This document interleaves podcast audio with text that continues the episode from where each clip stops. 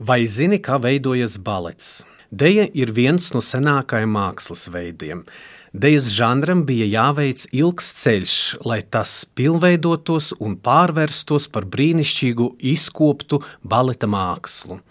Kas tad īsti ir balets un kā tas ir veidojies? Balets ir muzikāli teātrāls dejas žanrs, kurā ļoti cieši savijušies vairāki mākslas veidi - mūzika, deja, dramatiskā māksla un glezniecība.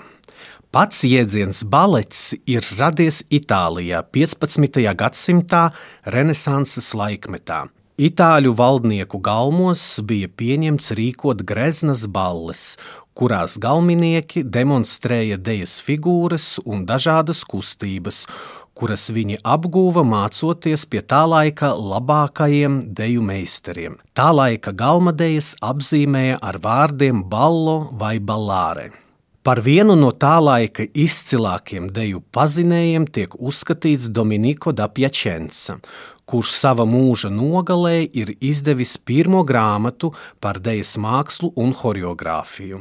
Tajā ir aprakstītas ne tikai instrukcijas par deju izpildi, bet arī tas, kādam īpašībām ir jābūt, lai kļūtu par labu dejotāju. Aprakstos minēts, ka prasmīgam dejotājam ir labi jāzina deju soļi, nepieciešams saprast mūzikas tempu un ritmu, jābūt labām manierēm, veiklumam, labai ķermeņa kontrolei un ātrumam. Pastāv viedoklis, ka tieši Dominiko da Piacenza, gatavojoties kārtējai ballei, piedāvāja apvienot vairākas dejas vienā priekšnesumā, izveidojot tam kopējo svinīgo fināla deju. Savās piezīmēs viņš apzīmēja šo uzvedumu vārdā baleti. Itāļu hercogiene Katerīna Mediči, aprecoties ar Francijas karali Anrī II, atveda galmadeju modi uz Franciju. Tieši Franču galmā 1581. gadā tika iestudēts priekšnesums ar nosaukumu Karalienes komiskais balets.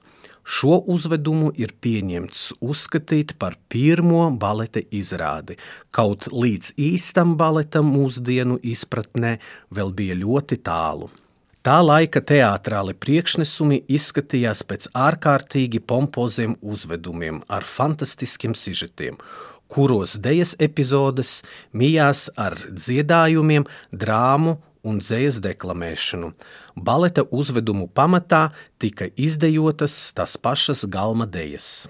Nopietns baleta mākslas uzplaukums notika Francijā 16. gadsimta otrajā pusē. Tajā laikā Francijā valdīja karalis Ludvigs 14 kuru dēvēja par saules karali. Viņš kaislīgi mīlēja deju un arī pats bija ļoti prasmīgs dejotājs. Par saules karali viņu sāka dēvēt pateicoties Apolona lomai baleta uzvedumā Nakts balets, kurā Ludvigs 14. izpildīja savu dejas partiju greznā zelta tērpā ar saules staru motīviem, tā līdzinoties tikko uzlecošai saulei. 1661. gadā pēc Ludviga 14. pavēles tika atvērta pirmā karaliskā mūzikas un dēļas akadēmija, kuru vadīja karaļa deju pasniedzējs Piers Bošāns, kurš arī kļuva par Parīzes operas baleta trupas vadītāju. Tajā laikā dejojuši tikai vīrieši, jo sievietēm kāpt uz skatuves bija stingri aizliegts. Ļoti liels ir tieši Pjēra Bošāna ieguldījums baleta tehnikas veidošanā un attīstībā.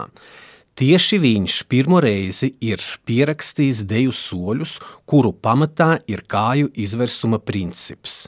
Dejotāja kustības viņš ir sadalījis trijās pamatgrupās - piesēdienos, lecienos un griezienos, kā arī viņš ir iezīmējis dejotājiem izdevīgo korpusa stāvokli.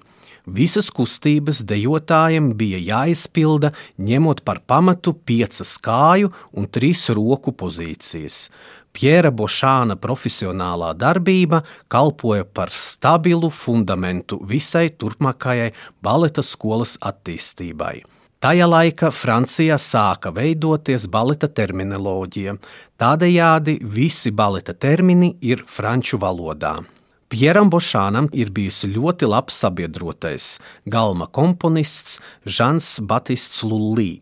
Izdabājot karaļa gaumei, e, viņš komponēja mūziku daudziem teātrāliem uzvedumiem ar neskaitāmām baleta ainām. Pateicoties daudziem Lulīs skaņdarbiem un dejas popularitātei, balets strauji attīstījās, un uz Parīzes baleta skatuves parādījās arī pirmās sievietes, bet smagas kleitas un kurpes ar papēžiem neļāva dāmām brīvi un veikli kustēties. Tādējādi vēl ilgu laiku balets ir bijis tikai vīriešu privilēģija.